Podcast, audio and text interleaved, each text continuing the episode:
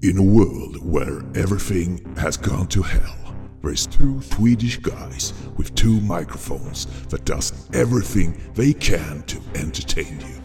They have decided not to give up on you listeners. They will continue their jobs to sort out the good from the bad in the world of movies. No one can stop them to put out their shows in the air. Now, sit back and enjoy when a brand new episode of TT Film Podcast come to you. Rated R. Då kör vi ett ytterligare ett avsnitt av TT Film Podcast Och i vanlig ordning så ska jag ta lite snabbt vad jag tror att podcasten kommer handla om. Vi kommer prata lite superhjältefilm, en av de minsta superhjältarna som finns. Vi ska prata om något som saknas och som enbart går genom mediet via skärmen. Vi ska prata om min gamla, gamla, gamla tradition med eh, ja, vad vi höll på med när vi var ja, 7 till 13 någonstans där. Det här var våran grej. Fast då körde vi inte film utan då körde vi real life stuff. Och vi ska även sitta här tyst och stilla och lyssna på när andra könet faktiskt, då kvinnorna, för sin talan och hör vad de har att säga. Samt att jag har lite grann till från min egen lilla hjärtas undergivna vrå som jag tänkte ta innan vi kör igång ordinarie program. Och som vanligt har ju säkert mitt allt ego eller min podcastkollega här på andra sidan någonting att säga så jag får antagligen inte säga mitt i alla fall. Och hans namn är då Thomas Hellberg. Tack så mycket. Tack, tack. Jag, jag, säger tack innan du ens är färdig, det är ju fantastiskt. Jag, jag så ja, men du är så artig, det är ju det. Jag vet, jag är så ivrig att komma igång så att eh, jag orkar inte ens lyssna klart på dig. Han var ju surrad.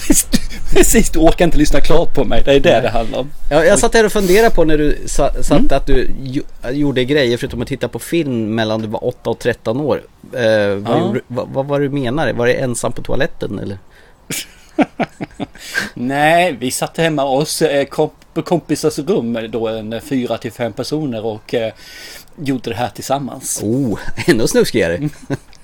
Bara pojkar. Ja, ja, det är klart. Luktar svett och tonåring. ja, precis. Ja, vad vi sysslade med då, det, det, det kan vi kan ta när vi pratar om ämnet. Mm. Som sådant. Istället för att ta det. Vi ska ju inte spoila för mycket av det vi ska prata om som är intressant. Som folk blir nyfikna på.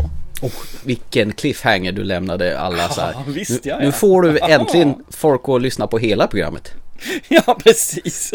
Kanske ska börja med det här. Bara introt. Ja. ja, säga någonting så här riktigt spännande så folk är tvungna att hänga kvar. Ja, ja men det, det kanske vi ska göra hela efter. Sist vi pratades vid, då, då sa du att mm. du skulle göra någon sån här förutsägelse. Och jag har ju varit jättenyfiken ah. på vad det kan vara. Så nu får du faktiskt berätta, annars så kommer jag på dö av nyfikenhet här. Ja, jag ska faktiskt göra en förutsägelse om en film som kommer komma ett till tre år kan vi säga så kommer den här filmen att komma. Troligtvis två till tre år för det har ju tagit att skriva manus och sådana saker. Men den, den lär komma inom det tidsintervallet. Och det har ju gått väldigt mycket på internet, framförallt där i Brasilien. Och vad som har hänt där. Det var ju ett flygplan där som kraschade. Piloten och en mamma dog. Ja, just det. Men en 15-åring, en 11-åring och en 1-åring överlevde. Och de har då vandrat i Amazonas i mer än 40 dagar. Och nu räddades de här bara för ett tag sedan. Och det här kommer ju Hollywood att suga upp och göra en film av. Jag är dundersäker och det bör inte ta mycket mer än två till tre år för dem att få till det här manuset. Filma in den, släppa ut den som den här Based on a true story. Nej men det har du nog väldigt rätt i faktiskt. Mm, ni hörde det först här. Ja, wow. Jag blir sjukt imponerad. Men det, mm, ja, men det. Jag tänker på den här uh, thailändska historien i Thailand, de här uh, som blev instängda i den här uh, grottan. Ja, just det. De... Det gick väl jättesnabbt till den kom på tv? Ja, det blev ju både en tv-serie och en spelfilm av Ron Howard vet jag. Så att det kommer ja. ju dubbel bemärkelse. Så att vi kanske kan räkna om tre filmer om bebisar som springer bort i Amazonas och dess storebrorsor. Alltså det är ju imponerande att de har lyckats överleva så länge. Nu var de visserligen uppfödda i eh, Amazonaskogen så det var. Men att som en 15-åring, 11-åring ta hand om en 1-åring då i en månad utan att ha man hade lite mjöl som fanns kvar från planet och så har de det på frukt och sånt som naturen kan ge. Det är djävulusiskt imponerande. det får Ja, och bland alla äckliga djur. Det måste ju finnas massor med snuskdjur i Amazonas. Det finns det såklart ju. Är insekter, jättekossor, eh, ormar och bambuspjut i röven och allting sånt där äckligt. Bambuspjut, nu är jag nog på fel kontinent där tror jag nu. Bambuspjut är väl mer mot Asien till där. Okej, nå- någon en sma- sån här hungrig piraya som ligger och flyter i floden. Ja men så kan det vara ju. Alla har ju sett den här eh, Piraya 3D. Så att, eh. Jaha, vad coolt. Sen har jag en sak till jag skulle ta faktiskt innan vi hoppar in på ordinarie. Mhm. Ja, jag och sonen rättare sagt. Jag tjejen var med och såg två avsnitt faktiskt på en ny serie. Mm. En sån här eh, producerad här, jag antar att det är SF eller någon som har varit där för det är en sån här, de pratar både engelska, de pratar tyska, de pratar franska, de pratar liksom svenska, danska hela köret här och isländska tror jag finns lite grann också. Det är The Swarm. Svarm. Eller svärm, svärmen, precis. Eh, handlar väl om att djuren börjar bete sig konstigt. Det finns bakterier som växer med dubbel hastighet och blir mycket större än de har blivit tidigare. Och det finns, vad heter det, saker och ting händer i naturen. Och det händer på ett så sätt så man kan väl i alla fall, jag har bara sett tre- avsnitt, men det händer på ett sådant sätt att det känns som att det finns någonting bakomliggande, någon som kanske kontrollerar eller styr det här som händer. För helt plötsligt eh, det kan vara helt tyst och helt plötsligt så börjar valarna sjunga och då sjunger de överallt så det blir så, det är som en synkroniserat.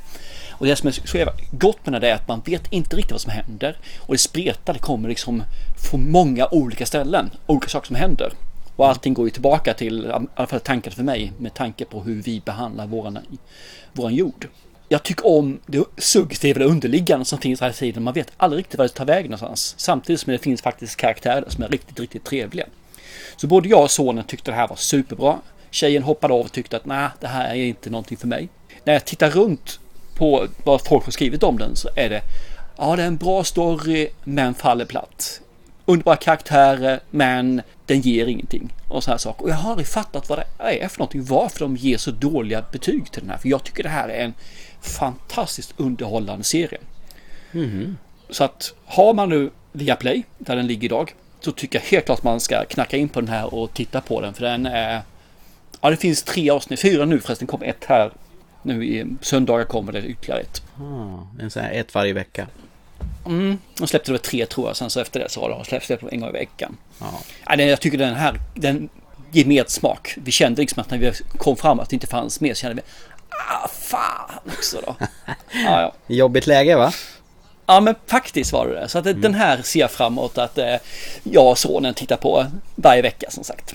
Ja, men det är rätt fint ändå. Alltså vi, vi var ju gnäll tidigare på så här att kan de inte bara släppa hela skiten på ett bräde bingwatcha sådär som ju Netflix gör. Men å andra sidan, det är rätt trevligt att ha en specifik dag att se fram emot. Lite, så här Nej. Som, nej, det är inte. nej. Jag vill kunna se fem avsnitt och sen vill jag spara kanske en, eh, om det är åtta avsnitt, sparar jag tre i ett tag så ser jag en till så ser jag de sista två på sök. Jag vill bestämma själv när jag ser. Jag vill inte tvinga att vänta bara för att. Nej, nej, nej, nej. Släpp Men- alltihopa. En sån här högtidsstund, en specifik dag och ni gör det till er egen tid. Det är väl alldeles underbart? Nej, inte det? Nej, nej. Nej, så får det inte vara. Fy fan, allt ska ut på ett bräde. Så vill man ju ha det. Jag vill bestämma över min egen tid, ingen annan ska bestämma över den. Vet du vad du gör då? Då, då väntar du till alla avsnitt finns och sen kan du bingwatcha. Ja, men det var det jag trodde det var ju. Jag trodde alla var släppta. Tittar du inte efter det? Nej. Fick man, går man in på IMDB så ser man att alla är släppta liksom. Jaha, de luras med andra ord. Ja visst, det ser ut som alla släppta rättare sagt. Ja. Så ja, jag blev lurad, jag kände va. Men det borde man ju veta. Att det är ju stort sett bara Netflix som släpper allting på en och samma ställe. Det vet man ju att eh, Netflix släpper allt på bräde. Och det, det faktiskt för mig, om du var färdig med det du skulle säga så skulle jag kunna bara segwaya över dig till en annan grej på just Netflix. Ja, kör på. Jag var färdig. Jag vill återigen bara säga The Swarm. Jag får se den. Swarm. Yes. 2019 då såg man det sista av den här serien eh, som jag tänkte prata om nu. Och jag var jätteledsen för att det, det här är ju en sån antologiserie som eh, gick i fem säsonger. Det är inte jättemånga avsnitt. Jag tror det var BBC som ägde den från början. Sen köpte Netflix loss den efter tredje säsongen. Och fortsatte producera det. Sen någonstans efter säsong fem så blev det stopp. I samband med eh, ja, covid och jag tror det var någon rättighetsproblem med de som ägde det här och Netflix. Så att det, de hade en, de var osams helt enkelt. Och sen hände det fan ingenting förrän nu. Fick man här, här om månaden helt plötsligt att det kommer en sjätte säsong av Black Mirror. Ha, bara en sån sak. Ja, men det, det var väl det att inte bara rättigheten, det var väl också att de som höll på med den sa att vi hade inget mer att berätta. Det kändes som att det var uttömt. Ja, Och vill man göra den här Black Mirror-serien då ska den sticka ut. Det ska vara någonting lite nyskapande varje gång. Och nu kanske de har samlat på sig så mycket material så de kan göra något Mm. ja i nyskapande. alla fall till fem nya avsnitt eh, kommer. Och, Men är eh, det inte ungefär de haft tidigare också? Eller varit fem, sex avsnitt? Jo, absolut. Det är alltså inga så här jättemånga, men de är ju rätt så genomarbetade varje historia. Mm. De är ju eh, upp till nästan en spelfilmslängd ibland. 1.15, 1.20 någonstans där. Och, sen har du ju han, eh, jag så, kollade igenom lite grann eh, vad för slags, vad det är för ton det hela. Och han, eh, vad heter han? Aaron Paul från eh, Breaking Bad med ett av avsnitten. Han är ju trevlig att se på.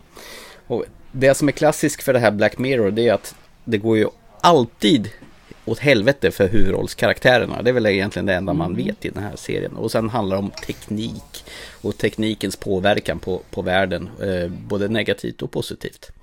15 juni, så lagom till det avsnittet är ute så ja, kan vi avnjuta fem nya avsnitt av Black Mirror säsong 6. Jag tindrar med ögonen här på min sida kan jag säga. Känner du till den här eh, podcasten som S- eh, P3 har, Dystopia? Ja, Jag får lite känslan därifrån, för de talar också om saker som händer. Men här gör man det spelmässigt och lite mer fiktivt givetvis.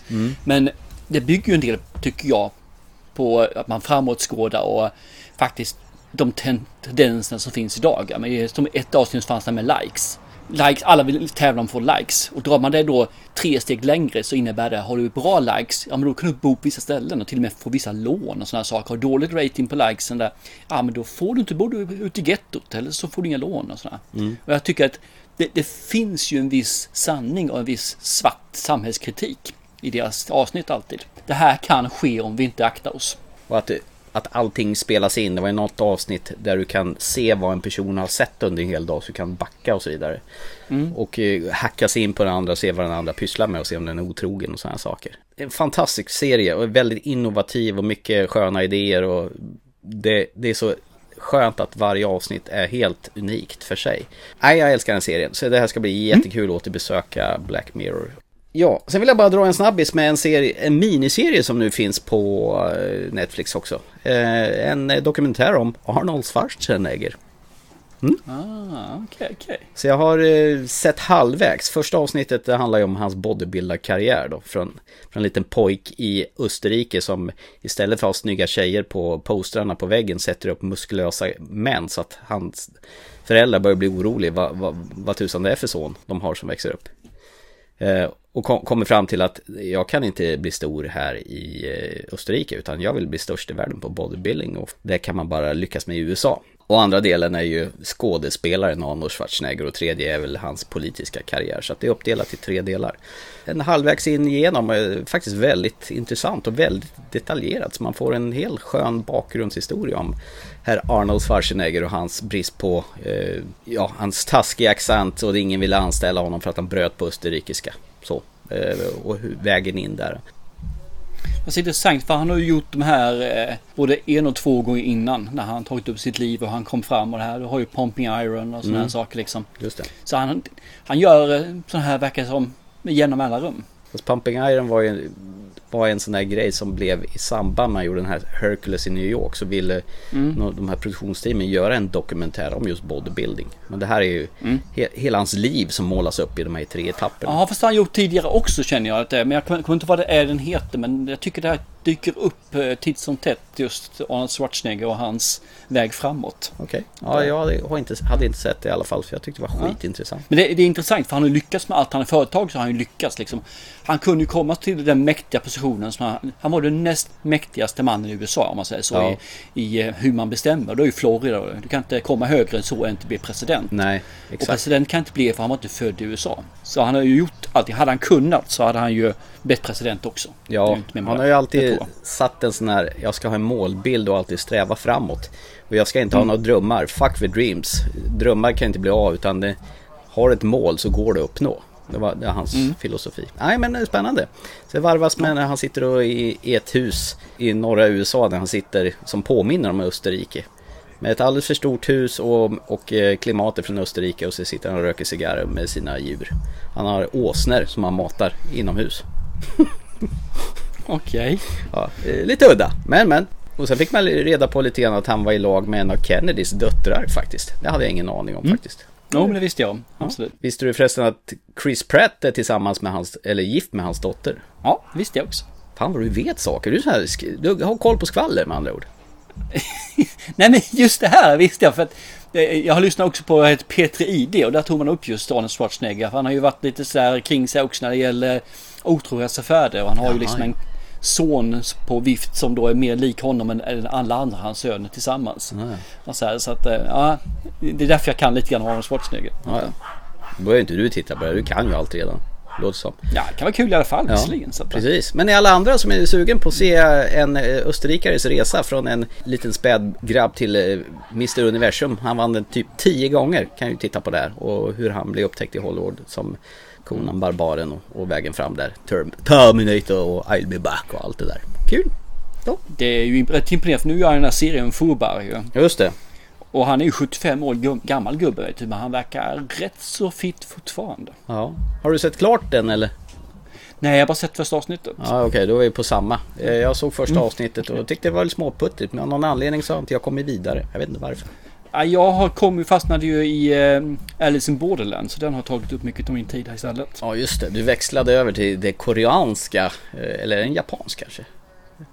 Jag vet faktiskt inte när jag tänker efter men jag tror den är japansk för de är ju i Tokyo. Ja just det, vara den är japanska. Det är den andra serien, Squid Game, som är eh, koreanska. Så var det. Ja precis, den är sydkoreansk den. Ja. ja, nej men det var det! Mm. Det var det, menar jag. Ska vi hoppa vidare till the main event? Ja, till den lilla filmen.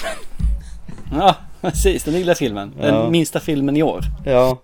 Där kommer jag an på att eh, den här lilla filmen har haft DVD-streaming och Blu-ray eh, premiär och den har funnits en tid sedan på Disney+.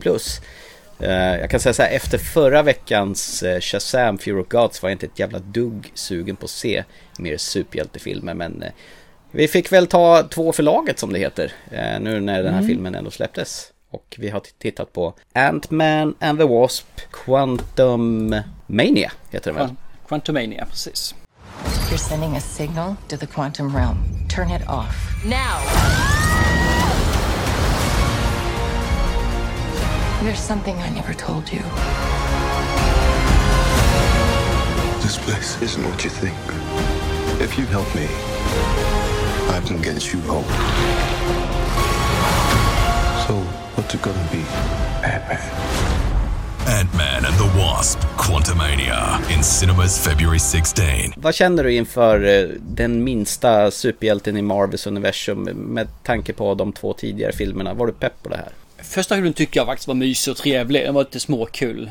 Eh, andra filmen kommer jag banne mig knappt ihåg. Jag vet inte mer än vad den handlar om. Är att de, eh, de slogs väl tillsammans ett minut. eh, Så det blev väl Quantman och Wasp då. Eller Ant-Man och Wasp då. Ja, men Evangeline fick ta på sig en getingdräkt och eh, hjäl- hjälpa Scott Lang.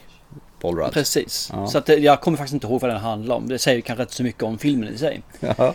Eh, så jag var väl inte jättepepp på den här så sätt. Men eh, varför inte? Det är lite sån här eh, fredagsfilm eh, tillsammans med familjen. Varför inte? Jag och tjejen såg den här tillsammans. Så att, eh, Man kan ju fundera på vad fan finns det mer att berätta men det är klart de har ju det här Quantum Mania, den här Quantum eh, Realmen eller Quantumvärlden då som man kan sugas in i. Och det händer ju i den här filmen på grund av eh, Scott och Hopes dotter Cassie som eh, har visat sig intresse för den här quantumvärlden. Hank Pym har väl egentligen i smyg varit och assisterat henne där.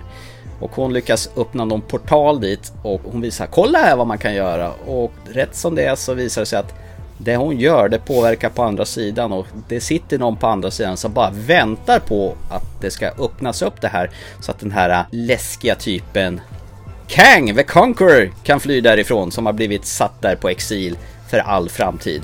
Och varför har han blivit satt där för all framtid? För att han är ett jävla svin. Och Michelle Pfeiffer, Janet Van Dyke, har ju, har ju försvunnit och funnits i den här Quantum Realmen bra länge. Men eh, finessen var väl kanske att försöka få kontakt med henne, kan jag gissa. Eh, och eh, det blir inte bättre än att Scott Lang och Hope eh, och eh, Hank Pym eh, sugs in i den här Quantum Realmen och härifrån får vi CGI-fest deluxe i två timmar och fyra minuter det var ungefär vad jag trodde du skulle säga också. Att CGI, CGI, CGI. För det här är ju som du säger, det är ju CGI. Hade det varit en mästerskap i CGI så hade den här helt klart legat i finalplats. Ja men det gör det. Jag har väl nog aldrig sett en eh, Marvel-film med så mycket CGI eh, tidigare. Och jag vet ju att jag skällde ju på den här andra Shazam-filmen där de blandade verkliga grejer och CGI på ett jävla tacky vis. Men vet du vad? Det var bättre jämfört med det här. Ja men i och med att de går in all in med CGI från början och hela världen är ju en CGI-värld. På något jävla konstigt sätt så köper jag det då, att jag är i den här Quantumania-världen med så här konstiga djur och folk. Det är okej okay att gå runt med ett broccoli i huvudet och det är okej okay med en röd slemmig gubbe som allt han önskar här i världen det är att ha massa hål och det är helt, och man förstår inte vad de säger först man dricker något ooze och då är jag plötsligt på de här konstiga figurerna prata engelska och låta väldigt gulliga och så här gästvänliga som tidigare var hotfulla och bara lät oga boga och nu helt plötsligt så har de vänliga och trevliga.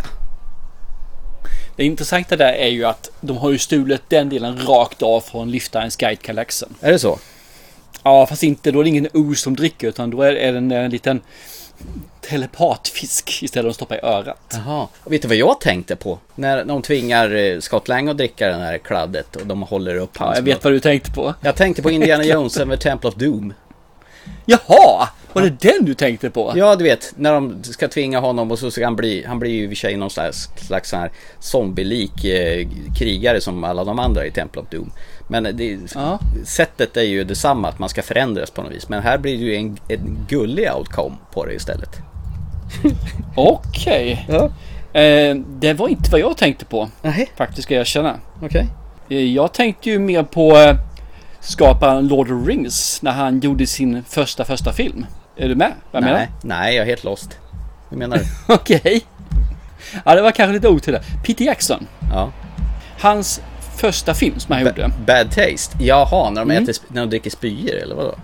Precis, de kräks upp där blåsmeten när han dricker den. Det var mer det jag tänkte på. Ja. Okay. Jag, jag kan konstatera ett par grejer. Det är att Michelle Pfeiffer är fruktansvärt välbevarad eh, trots sin ålder. Hon lär ju vara en bit över 60 vid det här laget, gissar jag på. Mm. Vacker kvinna med mycket pondus. Ja då, absolut. Och sen kan jag konstatera en sak till. Michael Douglas, han lär ju ha löständer nu. Och han börjar bli riktigt gammal. Han börjar bli så här klapprigt gammal. Okej. Okay. Han... Nej men han är gammal det är han också. Och det märks i filmen att han börjar bli gammal. Men det är ju kanske inte så konstigt. Jag menar på han har hållit på rätt länge den här gammeln. Nej men på riktigt, jag tyckte det här var oväntat underhållande. Det tog mig ja. ungefär lika lång tid som att se den här som förra filmen i en vecka. Så jag delade upp den typ på en, ja, en halvtimme i taget ungefär. Så jag gjorde tv-serie av det här också. Men varje gång jag återbesökte Quantum Mania så tyckte jag att det var fan rätt trevligt. Och lite oväntade karaktärer dök ju upp faktiskt. Som man inte kunde ha gissat att den här personen ska inte vara med i Marvel-filmen. Eh, det gjorde det ändå. ja, vad trevligt att du tyckte om den. Det är klart med tanke på att du brukar spygga alla så. Nej men jag tyckte jättemycket om den faktiskt. Jag, jag blev ja. Eh, positivt överraskad. Sen gillade jag att de hade tagit in den här eh, The Ultimate eh, Killing Machine från Hulk-serien. Modok Det var ju mm. också kul. Han med små ben som hänger och dräller i den här flygande farkosten. Tyckte jag var roligt. Okej. ja, ja, ja. jag håller ju dock inte med där faktiskt. Nej. Eh, det här är en saga, som ja. jag ser det. det här, en saga i sci-fi miljö. Men den här sagan är rätt dålig, för den har inte de miljöerna som behövs för en saga ska bli bra.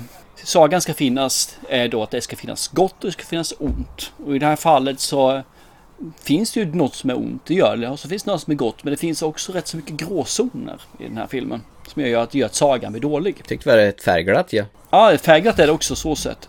Och sen så tycker jag att det, det är så mycket hålighet i storyn. Så att jag som vuxen har ingen nytta av den här. Och jag tycker när man försöker se vem är det som ska ha den här? Ja men det är sjuåringar, elvaåringar. Det är ju den nivån. Det är ungefär samma grupp som ska se Shazam. Mm. Som ska se den här också. För det går inte. Men då tittar man på Paul Rudd han känns som att han är ganska trött på det här. Att han eh, spelar en jävla Ant-Man en gång till. Ja, jag cashar in pengar liksom. Evangeline Lilly, hon gör väl det hon ska göra. Michelle Pfeiffer, hon går på halvfart. Michael Douglas känns bara gammal. Jag tycker Michael Douglas var bra det här sista jag sett han i. Eh, The Kominsky Method. Det där tyckte han var bra. Men här funkar inte. Och det är ju så mycket planteringar här så till och med en treåring skulle förstås vad som komma skall och hur saker och ting fungerar. Och sen gör de en massa dumma val i de här sakerna och ska överlista och, och eh, besegra Kang the Conqueror. Men hur jävla dumma är ni? Jag, menar, ni har, jag hade sett lösningar, tre lösningar som var bättre än det de gjorde. Och Kang the Conqueror som då har en rustning som kan göra mer saker än vad du ens kan fantisera om. Och vad är han gör? Jo, han skjuter blixtar. Jag menar, det är ju töntigt. Det finns ju ingen fantasi, det finns liksom inget driv i den här filmen. Den är ju bara 13 på dussinet film. Nej, jag, jag, köper inte det. Så har vi de här varelserna. Ja, jag håller med. De är gulliga och det finns vissa scener och vissa sekvenser i den här filmen som är faktiskt ganska roliga. Jag sa trashar inte ner filmen till fotknölarna.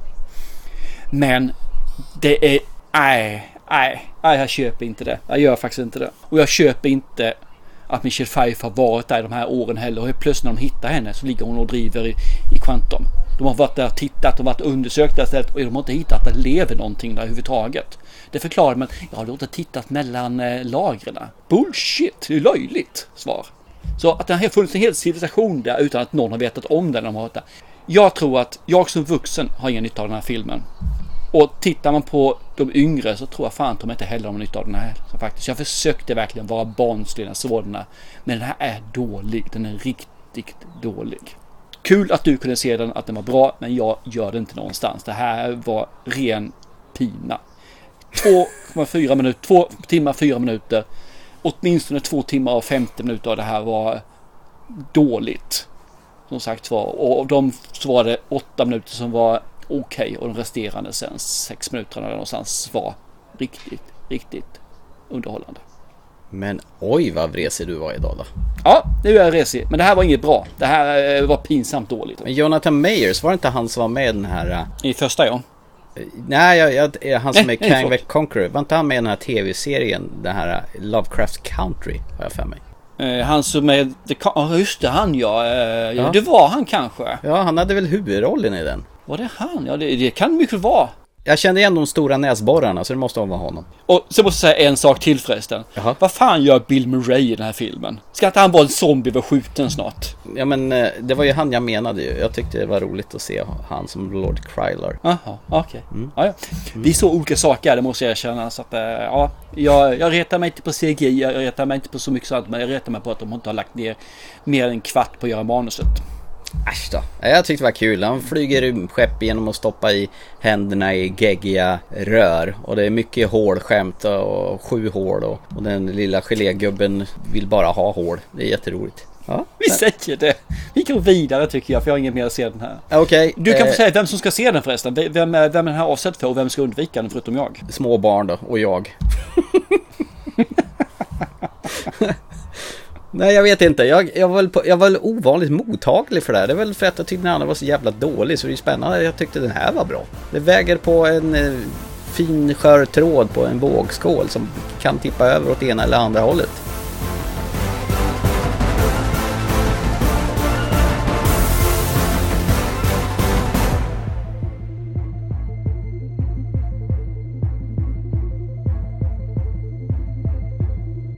Ska vi se om vi eh, saknar någonting i nästa film då?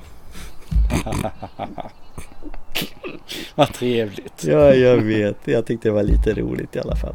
Missing ska ja. vi prata om då alltså. Och det är inte Missing in Action med eh, han den skäggiga apan. Utan det här är bara Missing.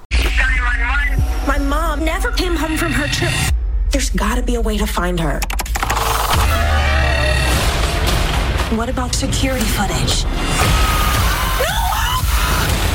I'm not giving up on my mom. You're going through her boyfriend's email? He's a felon? Someone's hiding something. We're running out of time. Where is she? Missing. Rated PG-13. Det är egentligen en eh, fortsättning, eller en standalone fortsättning kan man väl säga egentligen va? Från uh, The Searching från 2018. Ja, det är väl byggt på, uppbyggt på samma sätt i alla fall. Ja, mer eller mindre samma sätt. Den här är väl lite mer. Man kan säga så här, den här, allting i stort sett i hela filmen utspelar sig via en skärm. Så mm. man ser allting som är via skärmen till, ja, kan man säga 90 procent? Ja, ja, typ så. Fast de gör det faktiskt på ett riktigt eh, bra sätt så man blir inte tråkig utan det blir faktiskt eh, filmtekniskt bra. Så det, så det får man ge dem. Men Missing handlar ju egentligen om en, eh, en tjej, en ung tjej som har förlorat sin pappa i väldigt ung ålder. Så hon kommer knappt ihåg någonting om det. Inte ens begravningen kommer hon ihåg. Eh, Hon lever då tillsammans med sin mamma som nu då har träffat en, en ny kille som hon eh, ska åka på ja, semester kan man säga. Hon får stanna hemma den här 18-åriga tjejen medan de sticker iväg till, ja var de åkte någonstans? Colombia. Var det, Colombia var det, tack. Där i Colombia så, eh, eller rättare sagt när hon ska komma hem med flyget som hon har lovat då dottern här. June heter hon, June. June. Så ska hon, June ska åka iväg och hämta dem på flygplatsen när hon kommer hem. Det har hon dyrt blivit lovat. Och det gör hon ju. Eh, hon står där med en sån här lite rolig skylt. Välkommen hem från fängelse. Men eh, varken mamma eller hennes kille dyker upp. Hon står och väntar lite längre till. Dyker inte upp. Och sen så ringer hon, messar och säger var är ni någonstans. Det visar ju sig då att de här har försvunnit. De har varit på hotellet men helt plötsligt så har de bara gått upp rök. Deras väska är kvar, allting. Och det är väl här som då filmen drar igång där hon tar hjälp av polisen, hon tar hjälp av alla de här myndigheterna men samtidigt driver hon en egen undersökning då att ta reda på vad har hänt med mamma? Vem är det som är ansvarig för det här? Att hon då inte kom hem. The end. Det är en. Inte på filmen utan bara på min förklaring av filmen. Ja men det är bra. För det här är ju en film med lots of twist and turns. Det, är- det är ju alltid sådana här filmer så det är ingen spoiler överhuvudtaget. Det kommer ta en, en del turer fram och tillbaka så det kommer jag ha lite cirklar och så. Kände du bekväm med detta sätt att presentera en film från start eller var det någon sån här inkörsperiod för att vänja sig? Eh, nej, jag köpte det ganska snabbt faktiskt. Tyckte den var ett rätt så annorlunda och uppfriskande sätt. Jag tyckte det här var rätt nice. Eh, just att sättet hon gör det på. Sen så varvar de ju det med att hon kör små klipp när hon tittar bort från datorn och när hon är någon annanstans. Och så här. Så att det blir inte som när man försöker göra det all in. Bara via skärmen. Det Nej. påminner lite grann, vi såg den här skräckfilmen som jag inte kommer ihåg vad heter för någonting som också gick via skärmen alltihopa. De, det är ju under covid-perioden när de ska göra någon fest eller spel Ja, de som har ett Zoom-möte och sitter på varsitt eh, sätt och de eh, frammanar en demon. Ja, just det, för det de skulle göra via telefon, ja precis. Fan vad läskig den var förresten. Ja, den var grym. Och det, allting där också, mer eller mindre, är ju via skärmen. Ja. Och de lyckas väldigt bra tycker jag, få till det. Trots att man ser bara sex mötesfigurer som sitter där liksom. Hur kul är det att se en skärm? Men det, det går hem om man gör det på rätt sätt. Alltså. Och det gör de här också tycker jag, Missing. De gör det på rätt sätt. Och jag tycker hon är jäkligt duktig. Här som hon är så. Storm Reed. Ja, precis. Hon, hon är fantastiskt bra. Hon är med i Euphoria och så har hon varit med i Last of Us. Ja, kan du gissa vad jag satt och gnagade på järnbarken för att komma på vad jag har sett henne förut? Ja, det tror jag med en gång att det var Last of Us faktiskt. Ja, det gjorde inte jag kan jag säga. Utan det var, vad har jag sett henne, vad har jag sett henne, vad har jag sett henne. Så jag var faktiskt tvungen att googla. Och jag insåg, ja, ja, ja, det är ju Ellie och, eh, vad heter hon? Ja, hennes karaktär, de springer runt i det här The Mall. Riley Abel. Ja, så heter det. Riley heter hon ja, precis. Eh, som visar bakgrundshistorien när eh, Ellie eh, blev biten första gången i serien. Då. Ja, hon är duktig, hon är bra. Jag har inte sett Euphoria så jag kan inte uttala mig hur hon är där. Det är en serie på HBO. Men den har ju... Ja, det är det. Den ska ju vara ganska... Jättefina betyg. Den ska ju vara ganska ekivåg och vågad och mycket naket har jag fått hört. Ja, jag faktiskt sett ett avsnitt. Det var inte jättenaket då i alla fall. Det fanns naket där men det var inte jättemycket. Men eh, den var bra. Jag, jag vet inte varför jag inte så vidare. Det var nog mer tidsmässigt. Men den, eh, den var riktigt bra det avsnittet. Så det tycker jag.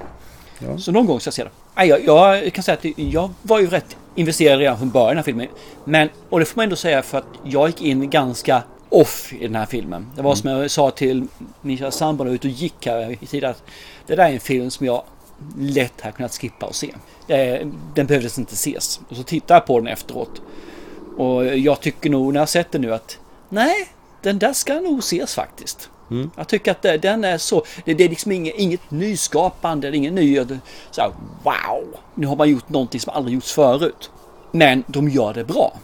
Jo, och de, de- gör det på sitt sätt. Ja, de gjorde det ju för fyra år sedan och det var väl samma producenter som tog Mm. det här ett eh, snäpp till. Men märkte du sak? Det var jättemycket appar och Instagram och alltihopa, men inget Facebook. Nej, nej, absolut inte. Det måste ju det måste vara en vink till att det är ingen som använder Facebook längre. Knappt. Jag tror att nog att de vill eh, nog inte betala Facebook. Ja, så kan det vara. Jag gissar, det måste väl till en massa licenspengar på alla de här eh, apparna och systemen som hon använder förstås. Ja, och jag tror liksom att de som får det visat i den här filmen har säkert kastat in en x antal kronor också där för att synas. Så Det- WhatsApp har varit där, Google har varit där, liksom, de har säkert kastat in x antal kronor liksom bara för att reklampengar. Det enda som jag kan tycka är lite irriterande men det är ju en spelfilm så man får väl köpa det. Det är att alla de här systemen på hennes dator flyter på så fruktansvärt bra. Det är aldrig någon laddningstid eller att det hänger sig att man får vänta någonting. Utan det bara går så här. Det är bara knäpp, knäpp, knäpp, knäpp och liksom allting går i. Hon måste ju ha haft en, en gigabits lina eller någonting sånt. Ja, jo. Alltså sen nämnde han också att den i början där, hur är det med datorn? Jo, den går bättre nu efter du har fixat till den. Så det, det var ju därför det gick så Det roliga var att min son kom förbi och såg någon, eh, han är ju ganska datorintresserad så kastade han ett öga och så Vad fan, Windows Vista, det är väl fan ingen som använder Windows Vista, när är det här ifrån? Så, 2023, vem fan använder Windows Vista 2023? Ingen aning, men han, han verkar kunna liksom bara se genom att titta Mm. en sekund på vilket gränssnitt det är, då känner han igen det. Det är lite sjukt faktiskt. Och, och jag bryr mig inte ett smack om egentligen det, utan det handlar mer om att vad, vad, ska, vad vill filmen förmedla för någonting? Det, det som, jag, jag, håller med dig, jag tyckte det här var jävligt spännande och det var ju som sagt, det, det twistar ju på ganska ordentligt hit och dit vad som har hänt hennes morsa och hennes nya kille och fram och tillbaka. Det som jag har lite problem med i den här, det, det är själva tidsföljden. Att på något sätt så känns det som det ska flyta på i ett svep, men det gör det inte utan det blir svart mellan jämna mellanrum och då har det gått lite tid. Det, det känns ändå som det går lite för fort och man hoppar över saker. Det var väl egentligen det jag har att klaga på lite grann. Att det, det raskas på väldigt snabbt. Men å andra sidan, den här filmen får inte bli för lång heller för då blir det ju tråkigt att titta på. Precis, för jag tänkte vad har du velat plocka bort för någonting? För den är alltså nästan två timmar lång den här filmen. Så vad vill du plocka bort för någonting? Nej men jag vill inte plocka bort något utan jag ville liksom att det skulle vara åt andra hållet. Att det, allting gick så jävla lätt att ta reda på alla saker. För då hade ju filmen blivit 2.20. Ja jag vet, exakt. Och då hade den varit för lång och då hade du gnällt på det istället. Ja, och sen är jag, jag vet inte på något vis att när, när man sitter och gör så här då känns det ungefär som att ja, men det här är på riktigt. Då, då vill jag att det ska vara folk man inte känner igen. Och sen helt plötsligt när man får se den här han nere i Colombia som, som hon anlitar för att och snoka rätt på henne på plats. Den här Mm. Javier. Javi. Ja. Joaquim del Almeida, han brukar man ju se som en sån här riktig jävla elak skurk i mycket av. Han, han, är det en colombiansk gangster då, är, då kan du ju garantera att han är med. Och så här, här dyker han upp som en sån här mysfarbror. Och det blir så här, vad fan, nu försvann lite av äktheten av det hela. Eh, Så jag, jag satt och... Det känner jag inte alls. Jag har haft problem att det kommer in en skådespelare och gör något annat sådär. För, nej, inte ett smack. Nej, jag bara hade varit bättre om det varit någon okänd som man inte har sett förut. Det var lite så jag menar. Jag hade velat haft okända skådisar som man inte kunnat relatera till till någonting annat. Det hade det känts lite mer på riktigt, tror jag. Ja, Okej. Så Du hade inga problem då med den här FBI-agenten som också är en känd person som har varit med i x antal filmer? Det känner jag inte igen. Vem var det? Han har varit med i Sagan om drakens återkomst bland annat. Det har ju inte du sett förresten. Du har inte gjort det ju. Han har varit med i Wolverine har han varit med i. Så, här, så han har varit med en del också. Inte jättemycket men en, en del. Nej, Jag har inget konstigt med det faktiskt inte jag har. Jag tycker att det... Jag köper liksom att det är en skådespelare och att de gör en roll. Och då får man också ta det. För jag, menar, jag visste många som har det att men jag kan inte se honom. Han spelar ju alltid eh, den här karaktären. Då kan inte han göra någon annan film. Eh, Mm. Varför inte det? Varför skulle inte han kunna göra det? Jag har aldrig köpt det. Varför man inte skulle kunna göra det. Bara för man är... helt plötsligt så är man synonym med att vara... Alltså ta som Bondfilmens... eh, Han som alltid typecastad som Q. Eller var när han, innan han levde. Han kunde inte få ett jobb någonstans för han var alltid Q. Och jag menar på det behöver inte vara så. Han kan göra vilken film och vilken karaktär som helst. Vad spelar det för roll? Han kan spela Shakespeare. Ja, varför inte? Gubb-Shakespeare. Det har jag inga bekymmer med faktiskt överhuvudtaget och jag har inte något problem med att hoppa heller men det vet jag att du har problem med hoppningen. Jag tycker att det är ett jättebra sätt att göra det på att man svartar ner och sen kör man där. Och likadant det här med att de snabbar upp vissa saker, tiden går genom att man ser ett, ett konto till exempel minska ner när hon, ska, när, när, när hon är ensam hemma den här veckan. Så ser man liksom hur hon har ett konto som börjar på 150 dollar eller vad det är för någonting. Så ser man det minska, minska, minska, minska. Istället för att se att hon gör de här köpen så ser man att det händer via att det händer något på skärmen. Att det, saldot minskar. Jag tycker det är ett jävla snyggt sätt på. Att man gör det svart, det är ett, det är ett klassiskt sätt att visa tiden. Nu, har vi hoppat till nästa segment. Så att, ja, men vi, ja, ja, jag förstår vad du, varför du retade på det, men du retade på tids överhuvudtaget. Så att, eh vad tycker du om henne då, Storm Reed då? Vad Ja men om hon är duktig, hon gör det hon ska. Och mamman tycker jag också är bra. Eh, Mm. Inget fel heller. Och han själv är ju också bra. Ja, jag tycker han är riktigt bra. Och den här eh, ma- mammas nya kille, Kevin, Ken Long. Han, han känns ju som en jävla slämpropp redan från början tycker jag. Så man vet ju inte alls vad man Aha. har. Är han snäll eller är han inte snäll? Är han snäll eller inte snäll?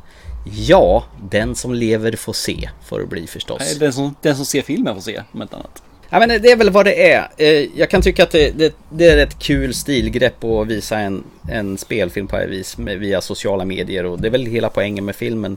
Samtidigt så begränsar man sig eh, och nu säger den här traditionsbundne gubben utan att vara teknikfientlig att jag ser nog hellre en vanlig spelfilm.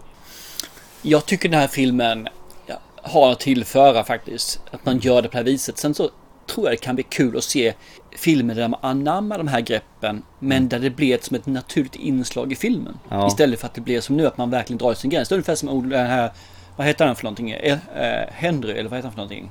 Action Henry, den här filmen som var bara first person. Ja just det. Man kanske inte behöver begränsa sig på ett sätt utan man kan ju ta, som du säger ta Precis, man har det här som ett tilltag att ja, men jag vill visa upp något speciellt. Då Ja. visar jag sakerna via skärmen. Exakt. Men det här är ju ett sätt att utmana och se vad kan vi göra. Ja. Och sen vänta en 3 till 5 år så kommer det här kanske vara någonting man använder i normalt i en film. Men istället för två timmar så är det här kanske då en, något man gör som är 10 minuter, en kvart. Eh, Jag kollade faktiskt på bakom-filmerna till det här för jag var lite intresserad hur, hur de byggde upp det här. De har ju animerat alla Mm. sekvenser i förväg och så så att det ska flyta och sådär. Så att där har ju förklaring till varför det är som det är. Men regissörerna, Mm. de, de ser ju som två finniga tonåringar. Ja, men de är väldigt unga. Det är de ju. Någon finnig grabb med keps bak och fram och en annan finnig kille som sitter där och säger Ja det här är ju jätteroligt och så. Och sen finns det någon bakom-film också där de går igenom alla Easter eggs. Men det är mest hyllningar till folk som har varit inblandade i den här gamla filmen Searching för, som kom för fyra år sedan. Så att det, det Mm. känns det är samma produktionsteam som har varit med i båda här och nu är, har de låtit två juniorer bara gå fritt för att regissera den här tillsammans. Ja, de har väl editerat och sån här, den här andra filmen. De har varit med väldigt djupt Ja. i den. Så det här är väl deras examensarbete om man Ja. säger det rent krasst. Nej men eh, ja, nej men det var väl kul så länge det varade. Det är ingenting som eh, fastnade så här hårt men eh, ja, det var lite spännande här och var. Och eh, lite stressande när filmens upplösning skulle komma till sitt crescendo. Ja, det finns ju ett alternativt slut som man kan se i extra materialet också. Ja just det, så var det. Och jag, jag te- jämför de sluten och jag tycker nog att det slutet de valde var eh, helt klart det bästa slutet. Så de, de gjorde rätt där i alla fall. Nej, men jag tyckte den här filmen faktiskt var riktigt nice. Jag tyckte man fick en nerv i den och det blev rätt så mycket actionkänsla i den. Mm. Fast det kanske inte är så mycket action. Men ja, jag tyckte den här, jag satt klistrad de här två timmarna utan att ens tänka på någonting. Så för mig var det här eh, faktiskt riktigt mumma. Ingen film jag kommer se om, men den är, den är tillräckligt bra för att jag ska rekommendera den till folk som tycker om lite såna här eh, mystery och dramafilmer. Eller mys- drama, drama, men mysteryfilmer om man säger så. Där man är, det är mystery och med en blandning av who's done it. Kanske är den delen. Så jag tycker helt klart det. Men jag tycker om sådana här filmer. Det är ju min kopp te. Men då får jag vara glad för din skull att du kunde ta till det här och jag var mera vresig surgubbe i det här fallet då. Ja, men vi är tillbaka där vi brukar vara alltså. Ja, ja. Du är vresig gubbe. Okej, nu status quo. Ja, det är som det ska vara. Ja, ja, vi lämnar vi Missing. Vi ska bara säga att den är också nu aktuell på DVD, Blu-ray och streaming. Så den lär ni kunna greppa på vad, vad ni vill för format. Antingen vill ni äga en fysisk Blu-ray-utgåva eller också hoppar ni in till närmaste streamingplattform och hyr den här för en liten slant.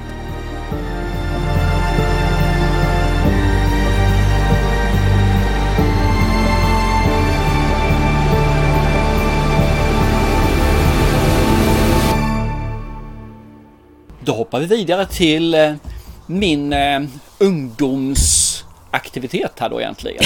Ja, det här ska bli intressant förklara. Vad gjorde du när mellan 8 och 13 år?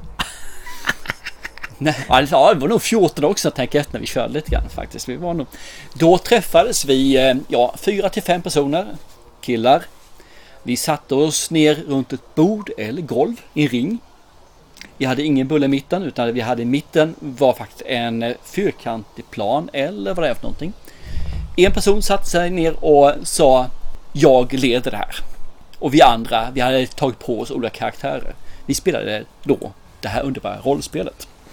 Och vi spelade ju Dungeon Dragons, vi spelade Drakar Demoner som är den svenska varianten. Vi spelade något som heter Sagan ringen och vi spelade något som heter Chock. Och vi spelade en som heter Mutant också. När det var Chock och Sagan ringen så var jag spelledare. Annars så fördelade vi ute på de som ägde de olika spelen. Chock var jättekul att spela. Det var ju mer ett skräckspel där. Det var jätteskoj. Ja, det har jag faktiskt till och med också spelat. Drakar och Demoner Ja. har jag aldrig spelat, men Chock har spelat. Jag var med into the horror genre. Yes, perfekt. Och Drakar och Demoner var väl det vi körde från början och det som vi körde oftast faktiskt också. Och det här är då Dungeon Dragons Honor Among Thieves. Och det här är väl egentligen den fjärde Drakar Demoner-filmen nu då. Det här är väl en del till en reboot kan man säga på det hela. Here's the thing we're a team of thieves. And when you do this, You're bound to make enemies. sometimes those enemies come looking for revenge.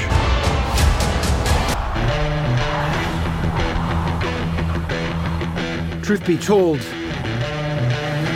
we helped the wrong person steal the wrong thing.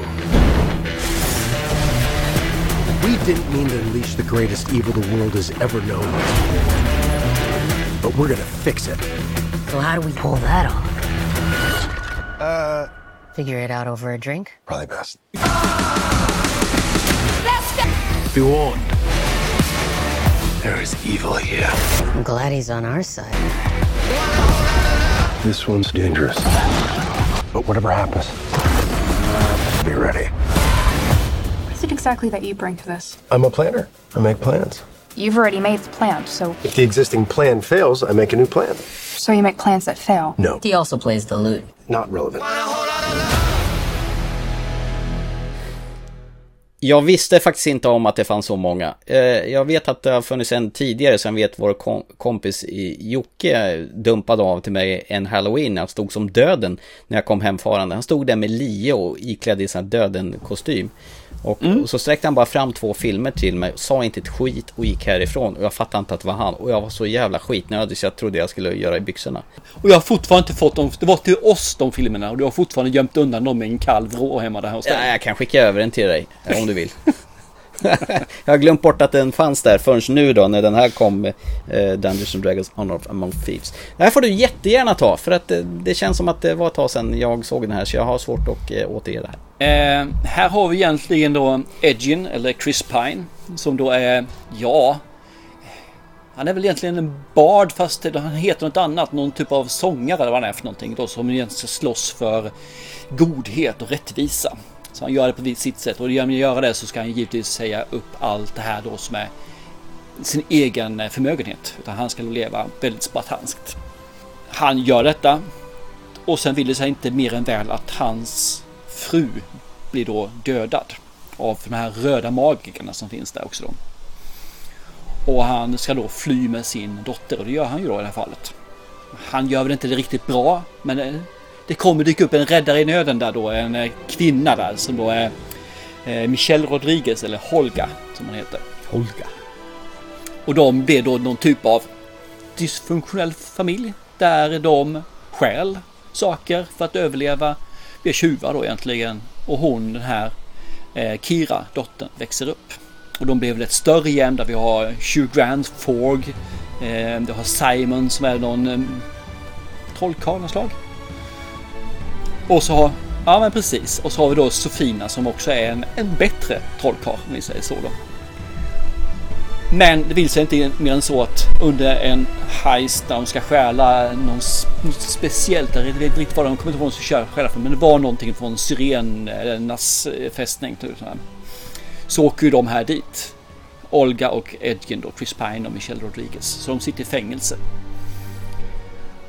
De bryter sig ut därifrån, givetvis på ett eh, ganska udda sätt. Ja, det kan man lugnt säga. Och då ska de ju åka iväg och hämta upp hans dotter. Men där börjar det lite tvärnit för Fåg, han har ju egentligen, ja han har ju sett möjlighet där nu liksom att han kan ju kanske ha hand om Kira istället och han kan ju då superrik och mäktig och har ju då mer eller mindre köpt sig en stad där han är borgmästare. Och här börjar då det blir komma igång lite saker om vi säger så. Vi de har skaffat ett nytt grupp för de vill ju ha frita Kira som de uttrycker det. Så det kommer in nya, det kommer in en eh, ja, vad är hon? En, druid eller något slag va? Som kan förvandla sig själv. Mm, just det. Hon kan förvandla sig till en massa olika saker. Ja, Sofia Lillis har jag för hon heter. Just det. Har man sett henne? Hon är... Ja, vad man har sett henne i det bland annat. Då hon Beverly. Ja, det är det ju. Hon är ju den enda tjejen i den här uh, Loser Club. Och sen ska hon vara med i årets näst bästa film också, Asteroid City. Jaha, hon är med där också. Mhm. Mm det kommer jag säga varenda gång när det är någon som är med, bara vet om den. Oj, oj, oj, oj, oj, oj. Mm. Jag kan säga med en gång, i alla filmer vi pratar om idag så finns det ingen skådespelare som kommer vara med i årets bästa film, Oppenheimer. Så har jag sagt det också. Ja, oh, gud vad du tjatar om de där filmerna. det är helt bisarrt. Eh, jag, jag tar inte mer så, för själva storyn är ganska, man säger så, traditionell äventyr, fantasy, sagoberättelse. Så det mm. finns, det finns ont, det finns gott. Ja, har man spelat rollspel och Drakar Demoner eller Dungeons Dragons så känner man igen sig ganska bra i upplägget. Enda som skiljer är egentligen Chris Pine.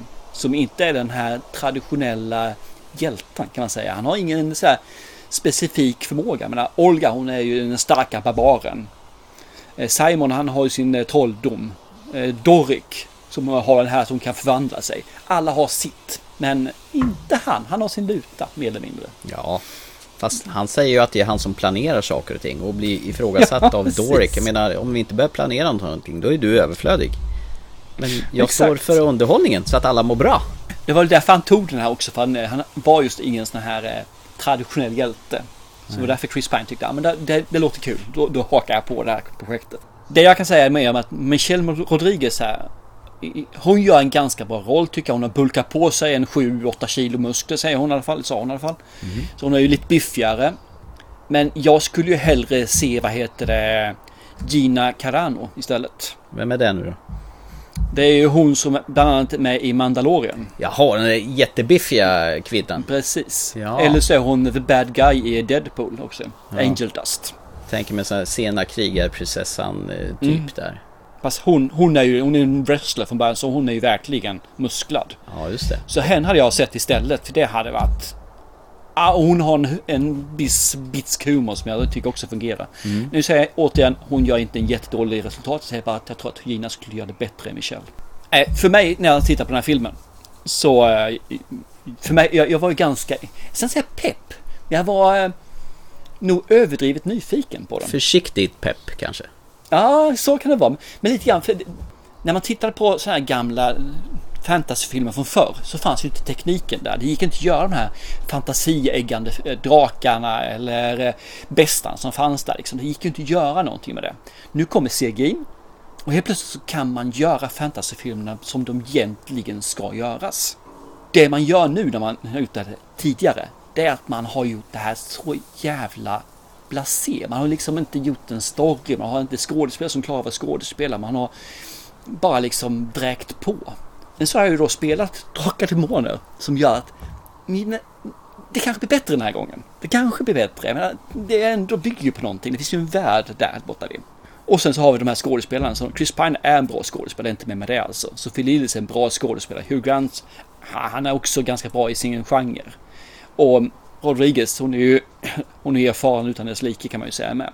Så att okej, okay, vi tittar på den och så hoppas jag på att det här blir bättre än vad man trodde eller som det har varit tidigare historiskt sett. Och det börjar ju ganska bra tycker man. Hon förklarar lite grann hur, hur det ser ut där. De har de här utbrottet från fängelset när de då ska bli frigivna. Som är, sätter ju nivån på en rätt så kul humor om ett annat de lyckas verkligen att hålla det tonläget under hela filmen. Så det är roligt utan att bli clown överhuvudtaget.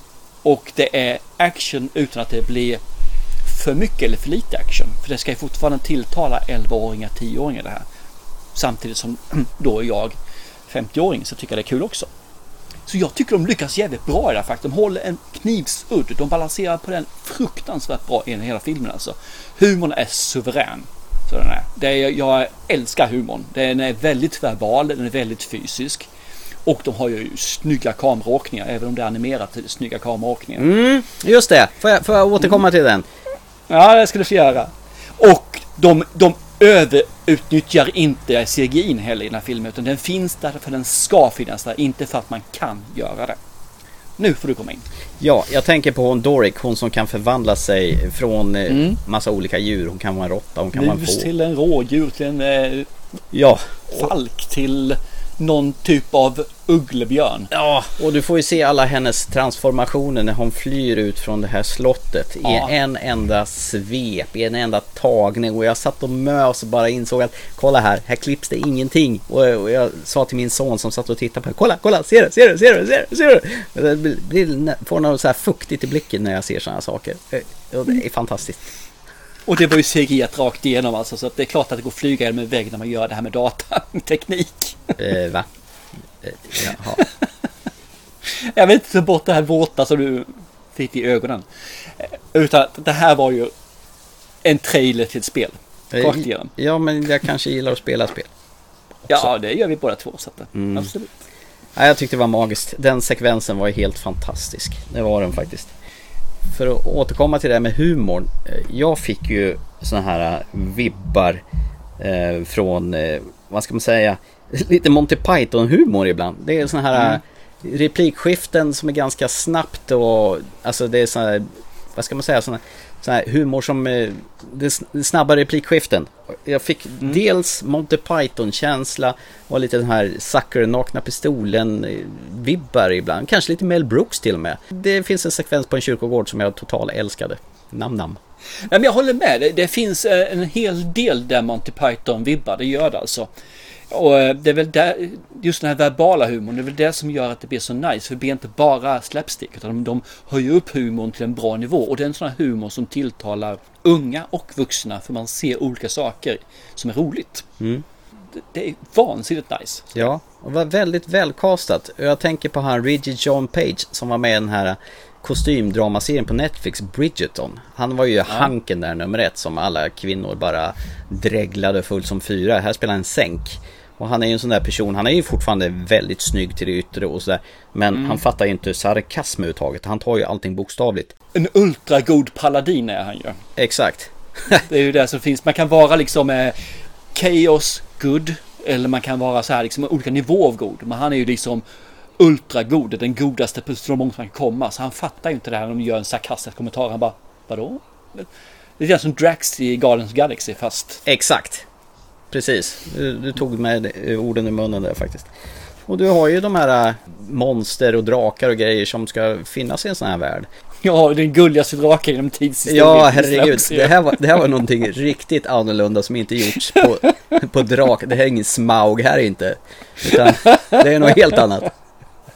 Ja, fy fan vad underbart. Ja. ja, men den scenen med draken, den, den är ju klockren liksom. Ja. Jag satt ju och asgarvade äh, när det var där. Så att det, tycker ni inte om filmen så tyck om den scenen i alla fall. Men det är väl genomgående med filmen att det är sjukt kreativa scener och dialoger och uppbyggnad av massa sekvenser som de har, man märker att här har vi tänkt till. Här är ju sådana här riktiga sucker, alltså de här som har producerat och regisserat de här filmerna, det är ju riktiga Eh, alltså rollspelsfanatiker som vill föra över sin känsla från när de spelade rollspel till en underhållande mm. matiné, eh, matinéfilm på två och en halv timme. För den är ju så pass lång den här filmen.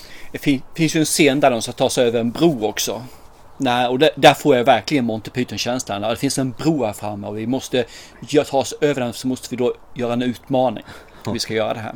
Jag bara kände yeah, I ja. know. Ja. Och den är så jävla underbar den scenen också. Nej, det finns rätt så mycket i den här filmen som gör att jag myste. Och jag ska säga det med en gång att det här är en sån här film som jag kan se om. Jag kan tänka mig att se den här både två och tre gånger till alltså. Alltså jag hade inga som helst förväntningar på den här filmen överhuvudtaget utan när jag satte mig ner, jag sa till sonen, vill du se den? Bara, ja, jag har sett en trailer, verkar rätt kul. Och slog in det utan någonting. Men så fort filmen började och de, man märker tonen, hur den är satt. De här mm. två timmarna bara for iväg i ett nafs. Och det var en värld som jag gärna stannade i de här timmarna utan problem. Ja. Så jag hoppas det verkligen blir en, att det kommer fler. Det behöver inte vara samma karaktärer, men att världen finns kvar. Det hoppas jag verkligen. Ja, och att tonen är densamma. Så man känner ja. att man kommer tillbaka till ett skönt ställe där man gillar att vara. Jajamän. Det här är alltså två timmar 14 minuter och den kändes max som 1.35. Mm. hos mig.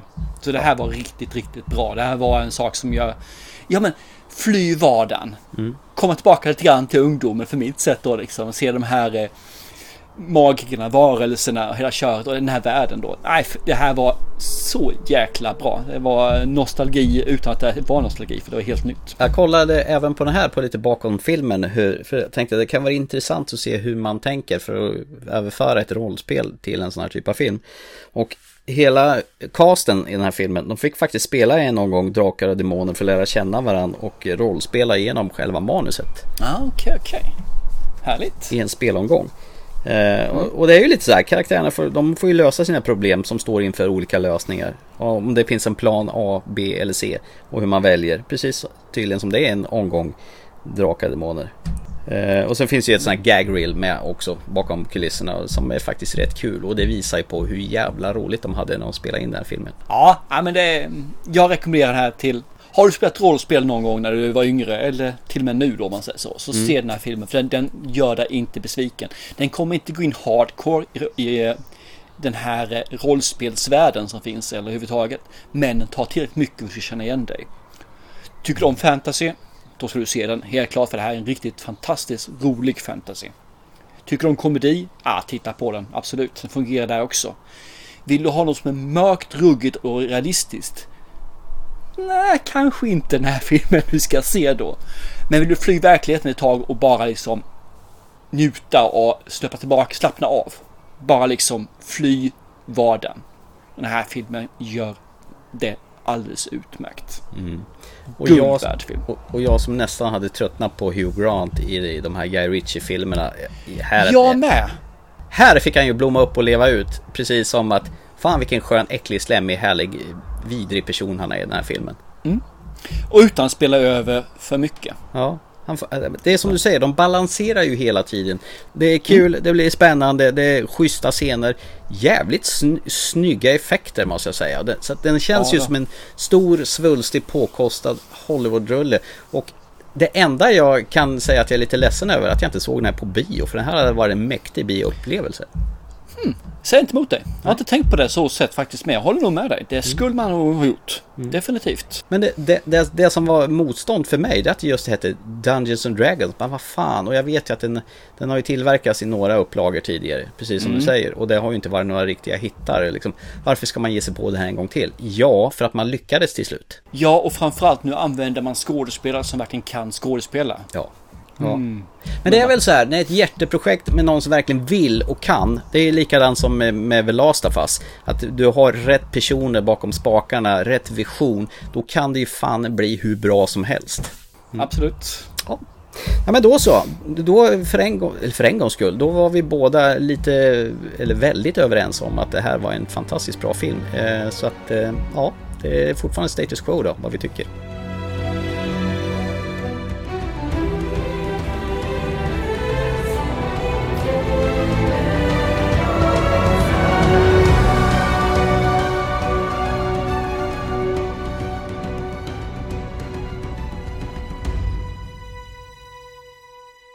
Ska vi gå in på dagens sista då alltså? Ja, och det här ska bli väldigt spännande.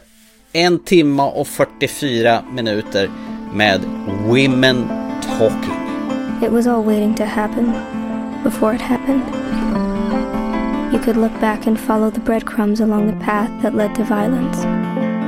When we looked back, it had been everywhere. It is a part of our faith to forgive. We will be forced to leave the colonies if we do not forgive these men. None of you will listen to reason. We know that we've not imagined these attacks. We know that we are bruised and terrified. Hope for the unknown is good. It is better than hatred of the familiar. And we could not endure any more violence.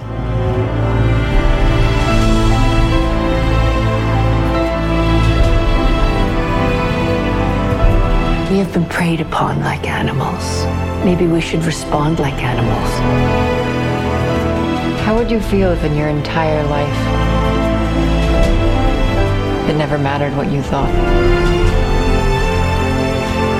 When we've liberated ourselves, we will have to ask ourselves who we are.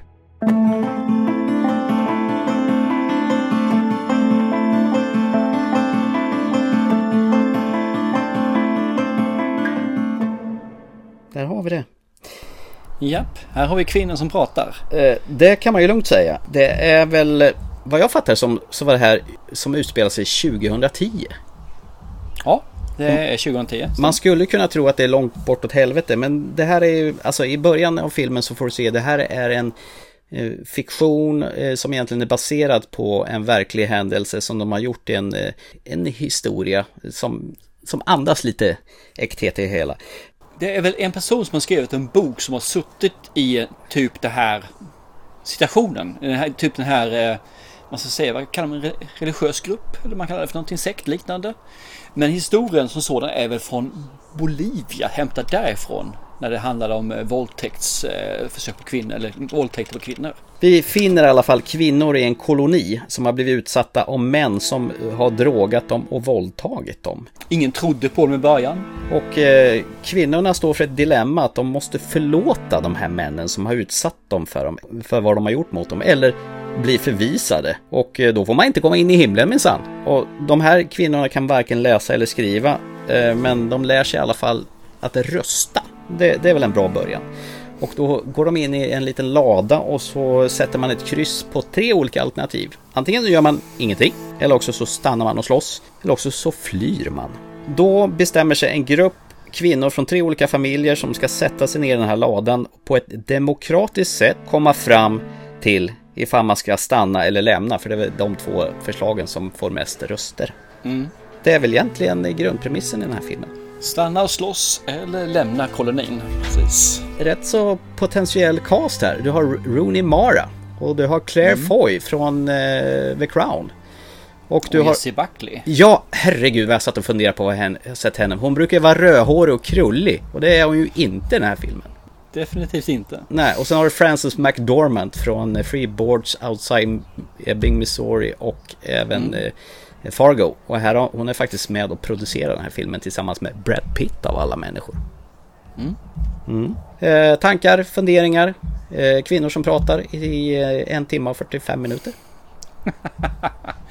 Eh, jag visste ingenting om den här filmen överhuvudtaget. Du ville ju berätta lite grann och jag sa tyst, tyst, tyst. Men, men bara nej, jag vill inte veta någonting. Så jag satte på den. Det enda du sa var att du behöver nog ha smälta den här filmen lite grann. Så jag tänkte, hmm, okej, ja men då får jag väl se den här första av de här filmerna vi hade kvar sen efter du hade sett dem. Det börjar ju ganska intressant där med att de förklarar liksom att det här har hänt. Först så trodde de liksom att det var spöken som var där. Som här var händer på dem och så här. Och sen efter ett tag så började de upptäcka att saker händer liksom. De, folk blir gravida och de menar på det var en del sa att det var jävlar, andra var spöken och andra de hade inbillat sig att de var liksom bara det är kvinnligt så här liksom att fantisera. Men sen efter ett tag kom de på de här personerna, i alla fall en person. Jag tog det fast honom och han eh, berättade vilka mer som var med. Och det var väl här då som du säger när det, tog, när det här, de sätter sig ner, de ju röstningen, de sätter sig ner de här tre familjerna tror jag det är, Som ska sätta sig ner och diskutera sig fram till vad ska vi göra? Vilka är alternativen och vad innebär det här om vi gör detta? Och vad innebär det om vi inte gör det här? Och det finns ju väldigt många olika personer här. Vi har ju, vad heter det, Ona som då är väldigt, eh, ja vad man säga, väldigt artikulär i sitt sätt att uttrycka sig. Och på smällen. Och då, ja, det är hon också. Och så har vi Salome som då är stridslysten och som vill liksom vi ska fightas, vi ska strida för vi kan inte fly liksom. Då är vi rädda visar att vi är fega. Vi måste fightas, vi måste förändra. Och så har vi den här, en gammal kvinna här som jag inte kommer ihåg vad hon heter för någonting. Det är hon som- med löständerna. Ja men lökständer precis, så heter hon, kan hon heta Greta eller något sånt där? Eh, Heter hon säkert, låter som ett gammalt dansnamn i alla fall. Ja men det heter hon. Som hela tiden går tillbaka till sina hästar. och Just det. gör sina hänvisningar därifrån och bygger fram en historia. Mm. Och det roliga är liksom att det här är verkligen en diskussion. Du kommer ihåg den filmen 12 Angry Men som du skickade på mig? Det var precis det jag skulle komma till. Att eh, det här skulle lika gärna kunna vara 12 Angry Women. Mm, women, precis. Ja. Ja, men det, det håller jag med om. Och det är en dialogdriven film utan dess like. Det händer liksom ingenting. De sitter på den här högkullen i stort sett 90% av tiden. Och så Mm. får man några stickspår liksom när de fördjupar filmen. Men det är liksom mer eller mindre bara där de är. Och man får lära känna de här personerna, inte med att de berättar vad, vad som har hänt dem, utan det är mer hur de agerar. Återigen, 12 Angry Men. Så att det, och man lär känna dem på ett jättebra sätt får man faktiskt säga. Och det, ju mer jag såg den här filmen, desto mer tog jag till mig att det här är ett ämne de plockar fram. Men det kan i stort sett vara vilket ämne som helst där det handlar om orättvisa. Där det handlar om att man blir inte behandlad på sätt som alla andra blir behandlad. Och det är lite metoo fast kanske då vinklat. Det kan vara även om vi går tillbaka till den här suffragettrörelsen som fanns under 1900-talet. Där de också ville liksom få rösträtt. Alla de här sakerna skulle kunna vara vad den här filmen, vad den handlar om i den underliggande betydelsen. Eller vem det än är för någonting när man känner att min röst blir inte hörd. Jag får inte vara med och påverka. För det, jag, är inte, jag är inte tillräcklig. Den här filmen för mig slog igen alla strängar. Det var liksom ett gitarrsolo när jag tittade på den här filmen. Dialogen är så fantastiskt välspelad. Det är, om man säger en allvarlig, djup Tarantino-dialog. Och jag, jag är hänförd utav med. Sen att de då zoomar ner, eller tonar ner färgerna som jag knappt vet om den är svartvit eller en färgfilm. Det, det gör den här filmen växer ännu mer för det gör att man tar fokus ifrån bilden och lägger fokus på dialogen. Vilket gör att man lyssnar och tar till sig budskapet. I alla fall jag tar till mig budskapet på ett annat sätt. Och jag går rakt in i de här kvinnorna. Är det de unga barnen som får vara med på diskussionen. Eller de här me me mellan, eller yngre kvinnorna, om man säger, yngre vuxna kvinnorna. Eller de här mm. två äldre mammorna som är där också. Samt den här enda killen som är med då i hela filmen, här August. Just det, Ben Whishaw som får föra protokoll över kvinnornas eh, möten där. Precis. Mm. Och han har ju varit med i eh, The Lobster, Cloud Atlas.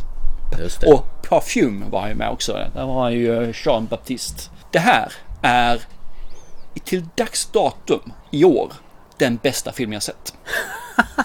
du ser.